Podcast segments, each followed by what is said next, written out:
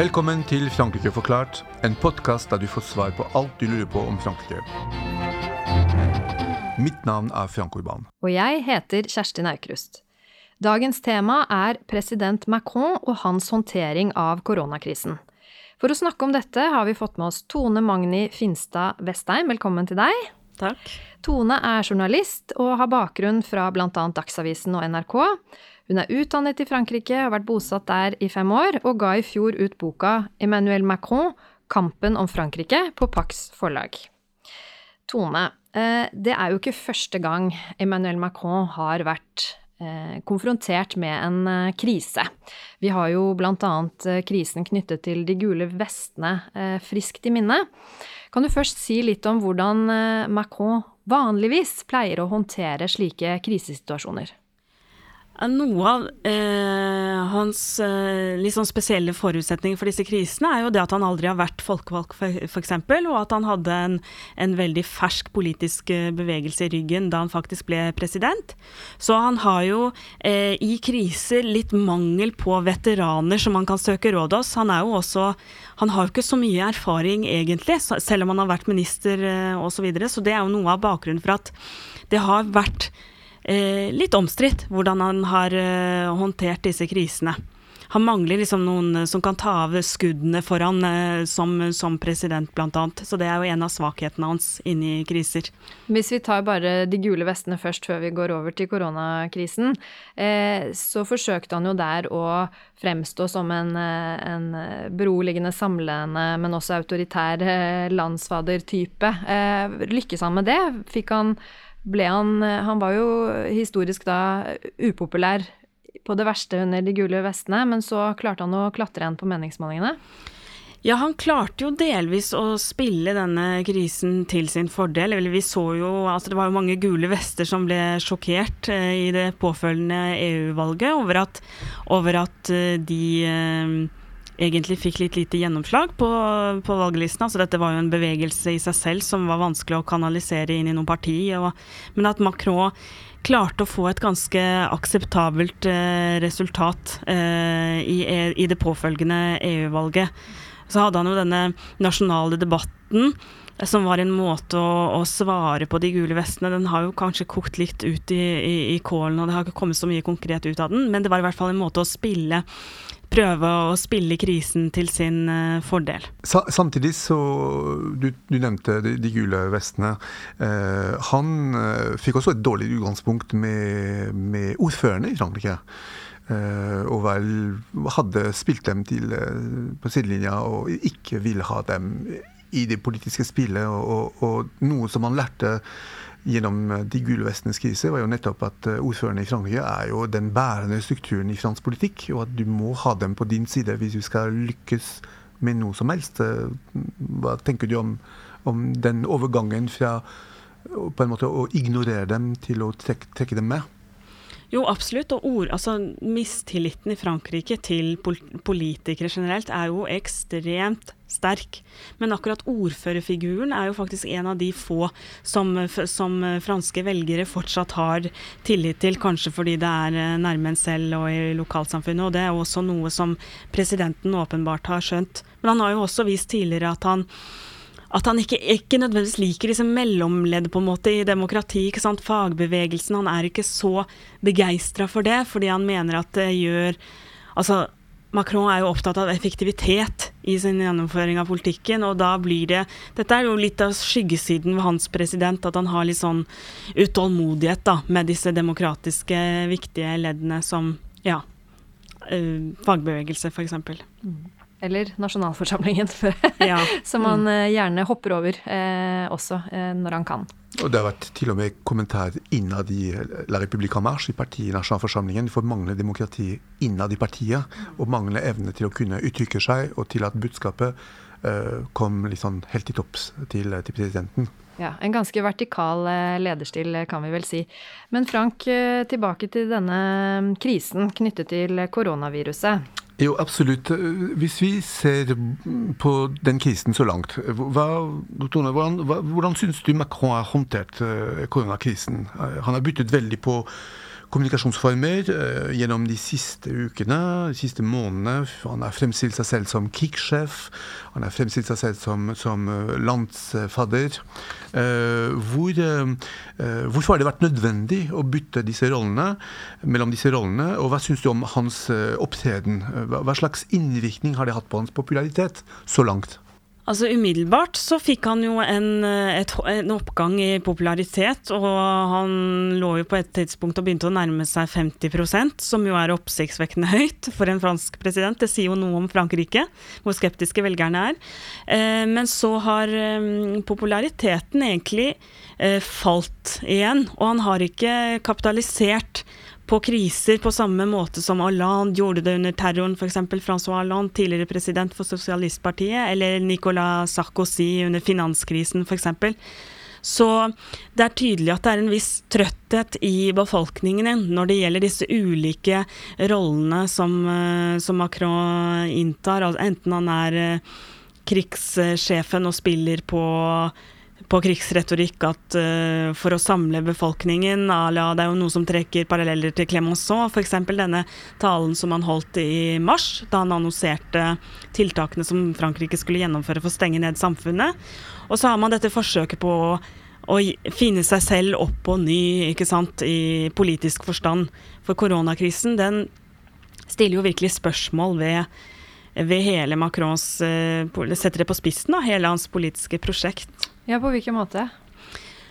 Altså Nå er, ser man jo allerede i Frankrike på meningsmålingene at man har en mye sterkere etterspørsel etter sånn type stengte grenser. Eh, skepsisen til EU øker. Altså denne, denne, tanken om at man skal hegne om seg selv eh, nærmest som land, da, og med sånn eh, proteksjonisme. Og det er jo eh, det diametralt motsatte av det Macron lovte velgerne da han ble valgt som president. Altså Kjernen i hans politiske prosjekt er jo dette med de økonomiske reformene, at man skal ha kontroll over statsbudsjettet, underskuddet på statsbudsjettet. Og alt dette her nå sprenges jo rett og slett i filler av eh, koronakrisen. Så spørsmålet er jo hvordan han skal svare på dette. Og, men man har jo også sett tidligere at hvis man går inn i hans politiske historie, så har jo F.eks. Macron var jo en stund i, før han ble en del av sosialistpartiet, med i Chevenements bevegelse. Hvem er det? Det er en tidligere minister for sosialistene. Som, var, eh, som egentlig gikk motsatt vei av Mitterrand. da, At han hadde en, en mer sånn suverenisme Grunnlegger av Mouvement des Citoyens, altså borgernes eh, bevegelse, eh, og kronisk avhopper som minister. Han eh, sa opp to ganger, bl.a. under Irak-krisen i 1990. Da var han forsvarsminister, hvis jeg husker riktig. Og kjernen er vel at man har denne uenigheten om EU, ikke sant. At man, slik jeg forstår Cheven må, at man har en mer sånn proteksjonistisk tilnærming. Så, så, det er jo veldig kuriøst at Macron, som egentlig er en sånn veldig EU-tilhenger, var med i hans ungdomsbevegelse den gangen. Og man ser jo at han plukker opp igjen kontakten med Chevenmont nå for tiden. Um, så spørsmålet er men hvordan skal han på en måte Han har jo vist tidligere at han er interessert i politiske prosjekter som egentlig er Eller at han for, klarer å lese sine motstandere, da, som, som, de som står for det motsatte av han. Men spørsmålet er jo hvordan han skal klare å manøvrere til et nytt politisk prosjekt, nærmest, hvis det blir, eh, hvis det blir såpass eh, stor endring i, i, hva velgerne etterspør. Før man eh, snakker om det prosjektet, så eh, kan man vurdere hva, hvordan ting har gått så langt. Eh, og det som kompliserer hans eh, rolle med å identifisere et nytt prosjekt, er jo at sannsynligvis så vil han også bli dømt på hvordan den krisen ble håndtert i første omgang.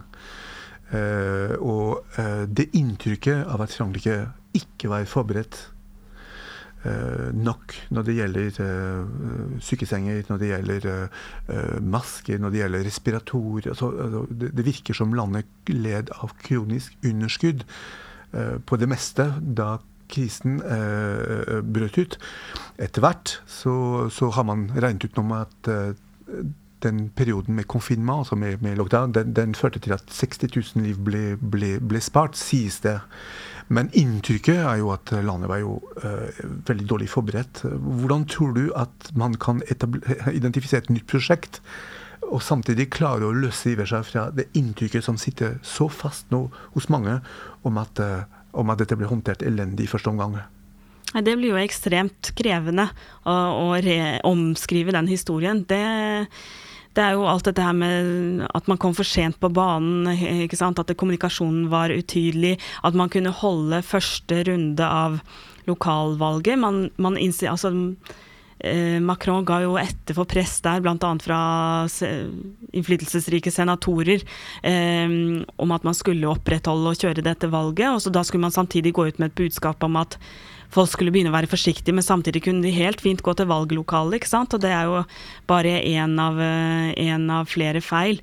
Det kan være en ja, noe som kan være en så stor svart flekk, på en måte, at, eh, at det kan bli avgjørende i 2022, dersom mm. han annonserer at han stiller, da. De, du nevnte disse to talene. Vi, vi snakker om en tale fra 16. mars og en fra 13. april. Kan vi komme litt tilbake til dem. Eh, I den første, i mars, så nevnte han uh, syv ganger tror jeg, ordet krig. Han snakket om sanitærkrig, riktignok, men likevel. Han brukte krigerske metaforer, uh, helt bevisst. Uh, hvordan tror du dette appellerer til et fransk, altså, til, til et fransk folk som uh, kanskje har en, en, en, en, både rik og tragisk militærtradisjon? Det er mitt første spørsmål. Hvor effektivt er det? Uh, og i den andre talen, og da snakker vi om 13. april, så prøver han å, å, å fremstille seg selv som en landsfader. Og så, og, så, uh, og så, kommer han med et nytt prosjekt for Frankrike. Han vil, han vil ha et nytt Frankrike. og da Eh, hvis man ser på de ulike elementene i talen, så er det faktisk både eh, altså Alle fløyer i Frankrike, alle politiske fløyer, ville, ville være fornøyd med det. Eh, hvor, hvor, effektivt er det, og hvordan tror du at franskmenn vil være tilbøyelige til, å, til, å, til å, å være en del av det prosjektet? Så når det gjelder det første, denne krigs, eh, disse krigsmetaforene, så så er det jo Må man igjen se på liksom bakgrunnen eh, i Frankrike, at, at, eh, at, presidenten er sjef for, for hæren, ikke sant. Han, han, er sjefen for de, for de væpnede styrkene. Så det er jo en, en bakgrunn eh, for å forstå dette. F.eks. i Tyskland så sa jo Tysklands president Steinmeier han sa jo vi er ikke i krig. Ehm, men de, Tyskland har jo en helt annen politisk tradisjon, og Frankrike har en helt annen strategisk kultur. Så det er jo liksom forståelsen av hvorfor, hvorfor han gjør som han gjør. Og så er det jo igjen dette hans eh, tanke eller besettelse om å vise seg handlekraftig, vise seg som en eh, person som skjærer igjennom og, og framstår eh, med tyngde. Men det ble jo også sterkt kritisert av opposisjonen. At man tar eh, i bruk en sånn unødvendig krigs, eh, krigsmetaforer. Er det for å på en måte skjule eller for å avlede oppmerksomheten for at man ikke har handlet tilstrekkelig nok når det gjelder det politiske, på en måte? Det er jo litt den eh, tvilen som oppstår, da. Eh, men når det gjelder den andre talen fra 13. april, du finner i den talen som, som, vi sa, alle kan være fornøyde. Du finner elementer som ikke ligger i hans politiske familie. Jeg tenker på suverenisme, relokalisering av industri, planøkonomi, som Mélenchon hadde vært veldig fornøyd, fornøyd med. Uh, hvor realistisk er egentlig uh, en slik plan når man vet at han ligger ganske fjernt egentlig fra, fra slike Eller har han noe valg?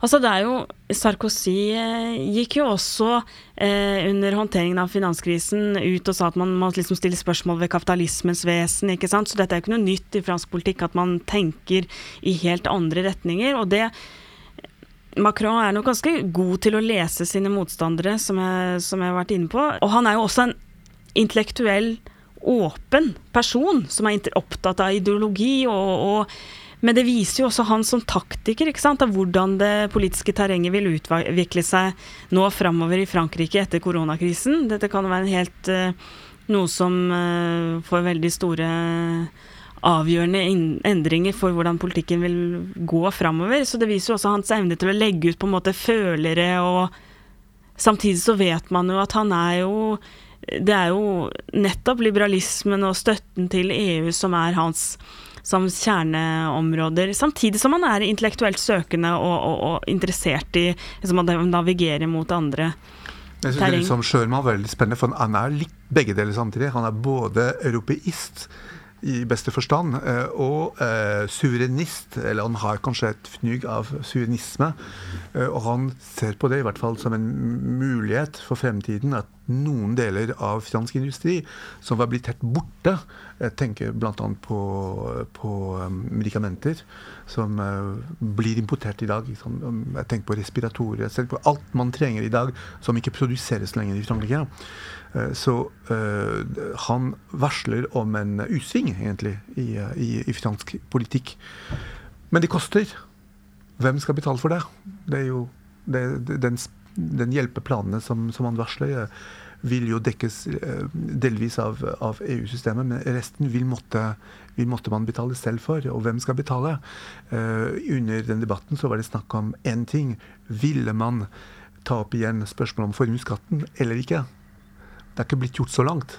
Ja, for formuesskatten, det var jo egentlig en uh en eh, ganske viktig element ved eh, hele startfasen av eh, presidentperioden.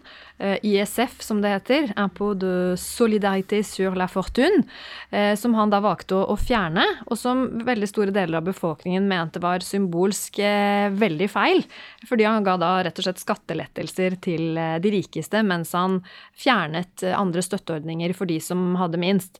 Så hvis han gjeninnfører den formuesskatten, så vil jo det være ja, kanskje et, et, eh, viktig skritt for en eller annen forsoning, kanskje, med, med, folket?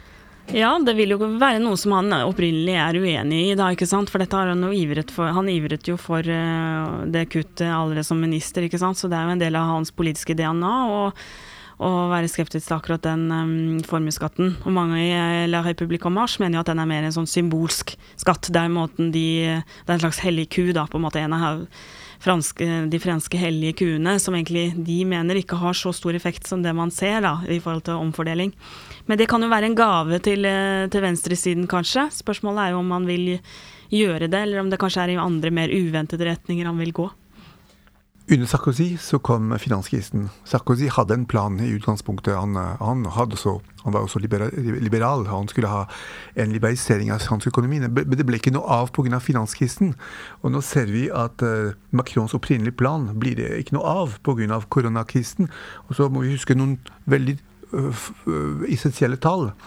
Vi snakker jo om en nedgang i uh, bruttonasjonalprodukt på så langt 9 vi snakker om eh, gjelds, eh, et gjeldsnivå som ligger nå på 115% av bruttonasjonalprodukt. Eh, vi snakker jo nå på det nåværende tidspunkt om 10 millioner franskmenn som er permittert, delvis permittert. Altså, dette er jo en tsunami. Er det ikke slik at Macrons politikk fremover vil dreie seg bare om én ting brannslukking? Ja, det er godt mulig. For det er jo nett Altså alle hans politiske resultater som, som, den store reformatoren, det går jo nå helt til dundas, for å si det rett ut. ikke sant? Dette med fall i arbeidsledigheten og økende vekst og ja, alt dette. Pensjonsreformen, f.eks. Ja, det er, jo et stort spørsmål. Mm. Ingen snakker om den nå. Mm. Samtidig så ser vi at eh, eh, mange, bl.a. De, de resterende gule vestene, altså de som fortsatt eh, holder fast ved den, eh, ved den, protestbevegelsen, de advarer nå om at eh, nå må vi passe på at etter korona, at det ikke kommer en sånn ny bølge med masse reformer som bare skal bankes gjennom eh, for å redde økonomien, eller for å eh, Ja, f.eks.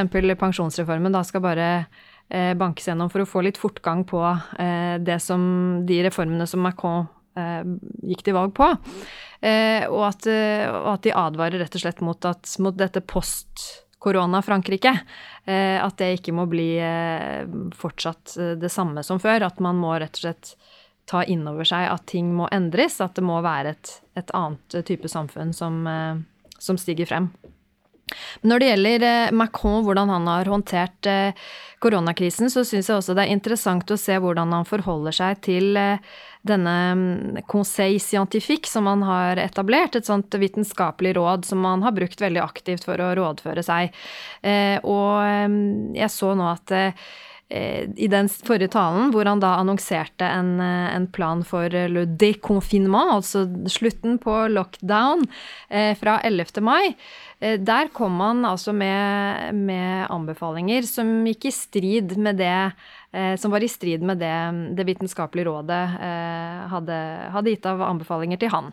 Sånn at eh, han, han Det er jo ikke slik at han bare gjemmer seg bak vitenskapelig råd. Han tar jo politiske beslutninger som går på på tvers av, av de, noen av de vitenskapelige rådene. Og det vil jo, kunne være, vil jo kunne straffe seg veldig hvis det skulle vise seg at, eh, at det f.eks. blir en oppblomstring igjen av pandemien da, i Frankrike. Men, men, han har ikke noe valg, fordi, fordi at uh, hvis dette fortsetter, så blir den økonomiske situasjonen enda verre. Og prislappen for å, uh, å komme opp igjen blir jo enda større.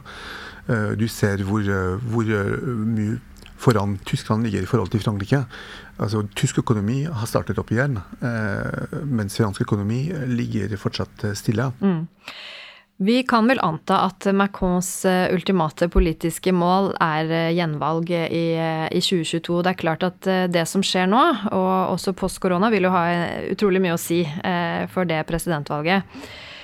Hva tror du om hans sjanser i 2022 sett i lys av eh, denne koronakrisen og måten han eh, håndterer det på? Ja, Det som er spennende, er jo at dette kan bli helt redefinerende. ikke sant? Han var jo tross alt bedre stilt, selv om han hadde denne krisen med de gule vestene og sånn, så, så, var på en måte det politiske terrenget litt mer stabilisert i forkant av koronakrisen. Men nå kommer den og kan omdefinere alt. og og mye vil jo Altså, noe av det oppsiktsvekkende er jo at opposisjonen har vært så svak. ikke sant? Man har ikke sett noen sånn tydelig figur som har, til tross for at Macron har vært historisk upopulær til tider og omstridt, så har det ikke vært noen klar utfordrer utover eh, Marine Le Pen, f.eks. Så man har, jo hele tiden tenkt at, disse, at det vil være en ny duell mellom dem i 2022. Men hva som skjer framover nå, det det, det er jammen ikke godt å si. Altså, det kan jo bli en ny runde med sånn degagisme. Kanskje Hva er det? Altså at man kaster ut de gamle hestene av politikken, sånn som Macron gjorde i 2017. Um, ehm, men jeg tror det er viktig å følge med på det konservative, altså republikanerne. Mm. Hva de eh, gjør. Det blir veldig spennende å se hvilken linje de legger på i forhold til eh, Macron. Så han vil også være veldig opptatt eh, av det. Og så tror jeg at man sier at ja, eh, Marine Le Pens eh, kjernesaker, som f.eks. dette med skepsisen til EU, ønsket om stengte grenser osv., det der med, med, å hegne om sitt eget land, det, ja, det, man ser jo det i målingene at folk etterspør det mer nå. Men så er det jo også det at hun sliter jo med, fortsatt med den økonomiske troverdigheten, ikke sant? Jo, det er kanskje to ting som vi vet uh, allerede, og det er jo at uh, det blir vanskelig å føre en valgkamp på, på EU eh, hvis EU ikke klarer å håndtere situasjonen fremover. og Da snakker vi ikke både om den sanitære delen, men vi snakker ikke minst om den økonomiske og finansielle delen. Eh, det vil si at Hvis ikke EU kommer med eh, koronabonds eller eh, en, en, en, hjelpepakke som kan føre til at, eh, at de europeiske landene går i dyp resesjon, så vil skepsisen til EU være ganske bærende for neste valgkamp. Og det gjelder også liberalisme. altså Tilslutningen til globaliseringsprosessen og til liberalismen er jo skadeskutt nå. Så en Macron som vil bli gjenvalgt, vil måtte eh, ta et, opp, et oppgjør med både liberalismen og, eh, og, EU. Eller han ville eh, reinvent en ny diskurs om både EU og liberalisme. og Er, er han mannen til det? Eller ser du noen andre som kunne ta den rollen? Altså, man skal aldri si med han, fordi han har jo Han er jo interessert i eh, altså proteksjonistenes argumenter også, på en måte. Men eh, han vil klare, Men han vil jo ikke ha så mye troverdighet hvis han liksom skal redefinere seg så totalt, i og med at tålmodigheten med han i den, folk, i den franske befolkningen er såpass liten. da, Han har såpass lite spillerom igjen av mandatet. Så jeg er mest spent på hva som skjer egentlig i det konservative partiet, eller republikanerne. Hvor, Hvorfor hvilken, det? Hvilken retning de vil legge. Fordi Macron har jo nettopp fått mange av deres velgere.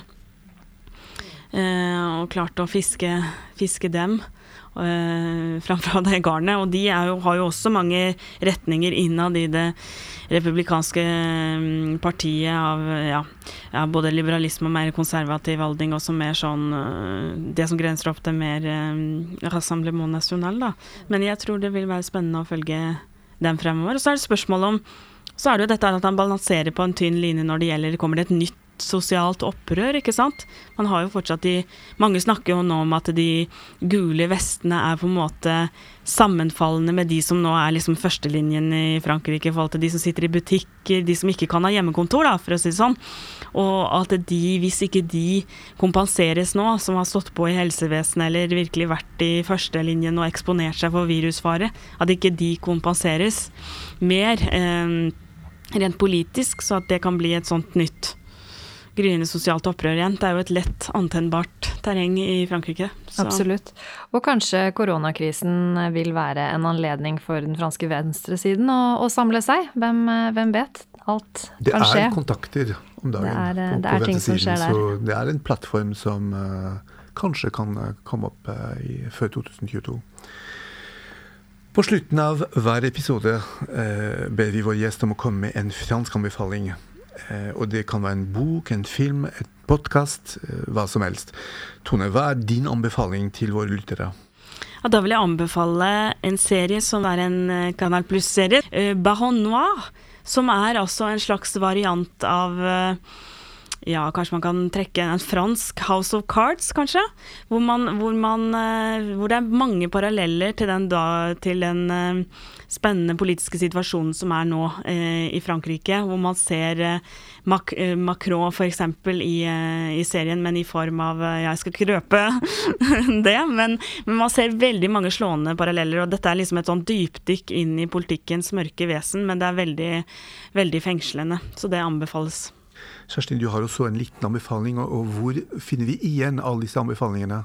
De finner du på vår eh, Facebook-side, Frankrike forklart. Jeg vil gjerne anbefale en eh, podkast fra avisen eh, Le Monde. De har nemlig en podkast som rett og slett heter Pandemi. Så hvis du ikke er lei koronaviruset og vil ha mer info om den på fransk, så anbefaler jeg den. Bra. Da gjenstår det bare å takke vår gjest Tone Magni Finstad Vestheim. Så høres vi igjen i neste episode av Frankrike forklart. Au revoir. Denne podkasten er et samarbeid mellom Universitetet i Oslo og Høgskolen i Østfold. Abonner på Frankrike forklart på iTunes, Spotify eller på andre plattformer der du lytter til podkast. Har du kommentarer til oss eller forslag til temaer vi bør ta opp, kan du sende inn det via vår Facebook-side Frankrike forklart. Her vil du også finne informasjon om dagens episode.